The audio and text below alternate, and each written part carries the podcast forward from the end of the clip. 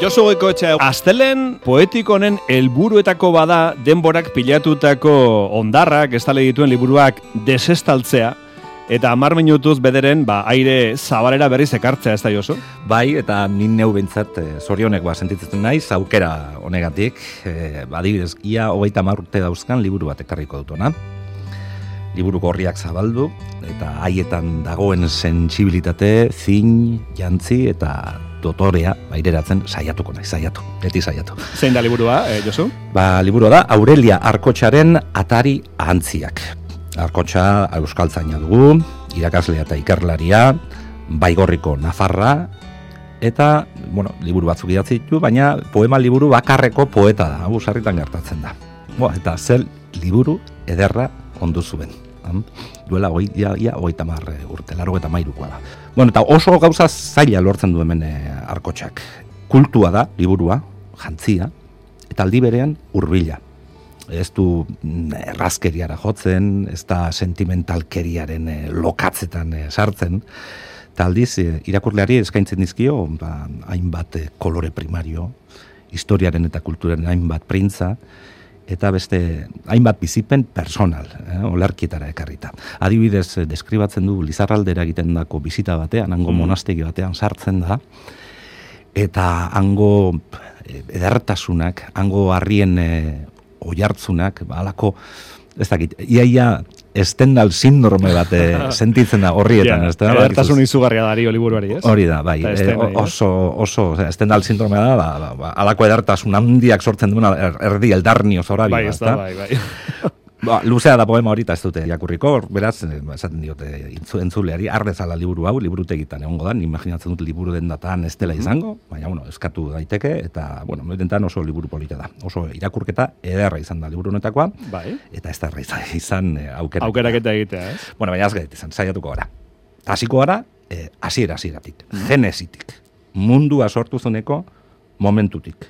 Dundu izeneko poema dau, eta zer da dundu. Mm Bueno, ez dakit arkotxa agian ukiko du beste sanairen bat, nik iztegitan begiratu dut, eta zeruari buruzari galela, izan daiteke zeru dundu edo urdina, mm edo hortzi edo zeru e, iluna. Eh? Lainotxua, ekaiztxua, bueno, olako zera, dundu dauka, eta alako Big Bang moduko bat da munduaren sorreran. Azken bertso lerroan, agertzen da hitz bat, idetxi zenekoa, ba, jenteak eh, behar bat asko ez dute ezagutuko, idetxi hori da, irentxi. Irentxi. Jan Andro, zuekin dundu.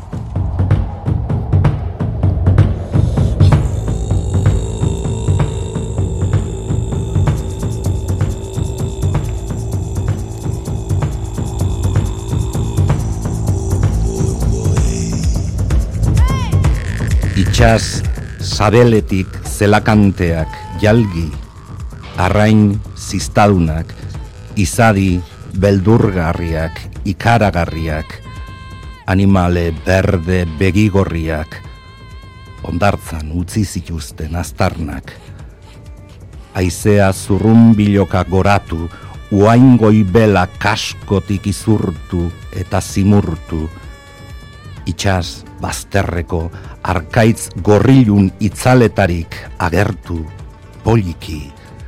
Diplok dokusen mutur luze leunak.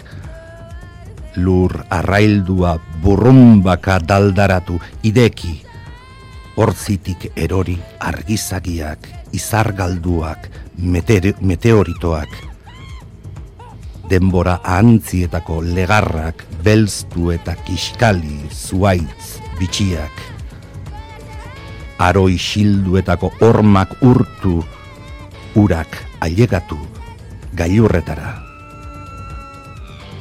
Oroimen gordeetako jargiak berriz piztu, zeru osinak zabaldu, gure oin utxen erresto luzea, urak legarrezean idetxitu. Josu mundua sortu da, edo lurra mundua sortu, da, eta gizakia dago bertan, bai. eta gizakiaren e, oinatxak eta lorratzak eta bestelakoak ageri dira, ondorengo, liburua lehenengo poema da, eta da, mhm. irekiera e, indartxu eta eta esan, da. Dundu izeneko poema. Bueno, koazen orain antzinako greziara. Ados, dena asmatu zuten garai horretara, ez? Dena asmatu zuten, eta arrezkero haien... Eh, Errepikatu besterik ez Arrastuan gabiltza, bai, bai. Bueno, historian zerreko poeta askoren erreferentzia da, Odisea. Bai. Eh? Non kokatzen dene, Troiako gerra amaituta Odiseo, edo Ulisesek, itaka bere sorterrira itzultzeko egiten duen, bideia luze, luze, luzea ezagutzen dituen uartetako batean, hainbat uarte pasatzen ditu, eta mhm. hainbat emakume ere ezagutzen ditu, bai. nausika printzesa ezagutzen du. Hartaz, maite mindu, gero, bueno, nausikak ematen dio ontzi bat uste dute bere itakara itzultzeko, eta olerki hober bada, usartuko nahi ezatera, bai. izan genituen maitasun iragandoko aiei buruzko buruzari da, ezta? Denok ditugu ba, iraganean izan genituen maitasun, ba, bai. modio harremanak, mm. eta bueno, oroitzapen alako bat izan daiteke hau da, nausika.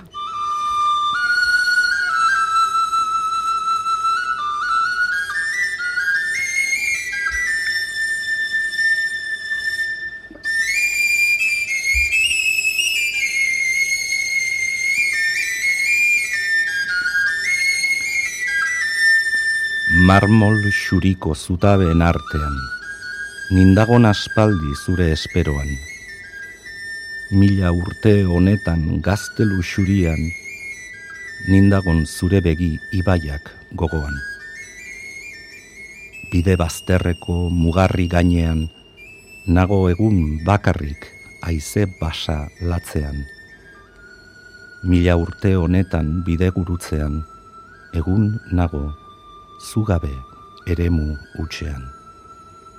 Zioa zen edoiak flamenko arrosak, pelikano argiak, ibis sakratuak. Zeramatzan urak, desira laranjak, liura urdinak, amets esmeraldak.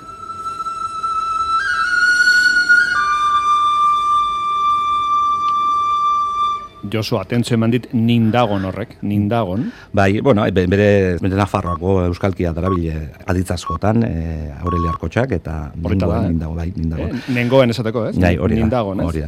Eta, bueno, hemen dauden koloreak, ez da, eta, eta impresioak zertzela da, oso oso politia da, zera. Ulertzeko, bueno, zartu behar duzu irakurtu, eta norbere interpretazio egin poemaren, ez da? Ari gara, Aurelia Arkotxaren atari antziak, liburu uh errepasatzen, eta bukatzeko zer, prosa poetikoa? Prosa poetikoa, eh, liburu berezia dau, olerkietako asko prosa poetikan, poetikoan idatzita daudelako, e, bueno, hausartu naiz ezatera, nire prosa poetikoa sasiko forma bat dela, olerkiaren eta prosaren ustarketatik sortutako hibridoa.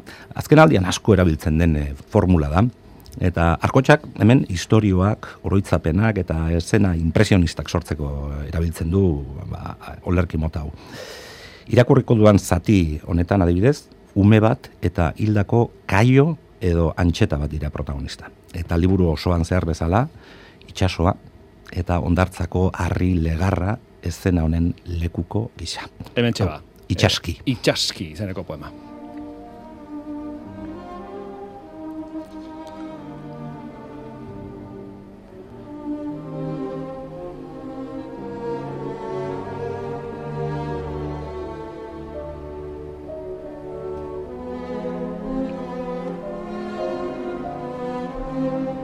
Aurrak dio xoriak ez direla sekulan hiltzen.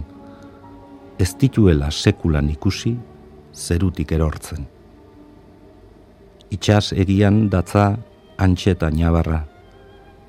Aurrak dakusa eta hartzen eta berotzen du besoen artean. Baina xoriaren lepoa gibelera erori dilindan, dilindan, dilindan aurrak xoriaren xango palmatu hotza astatzen du poliki, poliki. Orain, xoriaren gorputza legarrean pausatzen ari da kasu eginez. Aizeak mugiarazten dituen lumaina barrak ahal bezain ongi apainduz.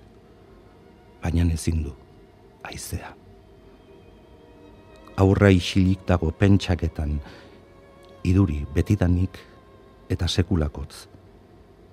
Nik horrelaxe ikusi nuen belauniko, belauniko, otoitzean ari balitz bezala, antxetaren gorputz gaixoa gerizatu nahi izan balu bezala, eriotzatik at.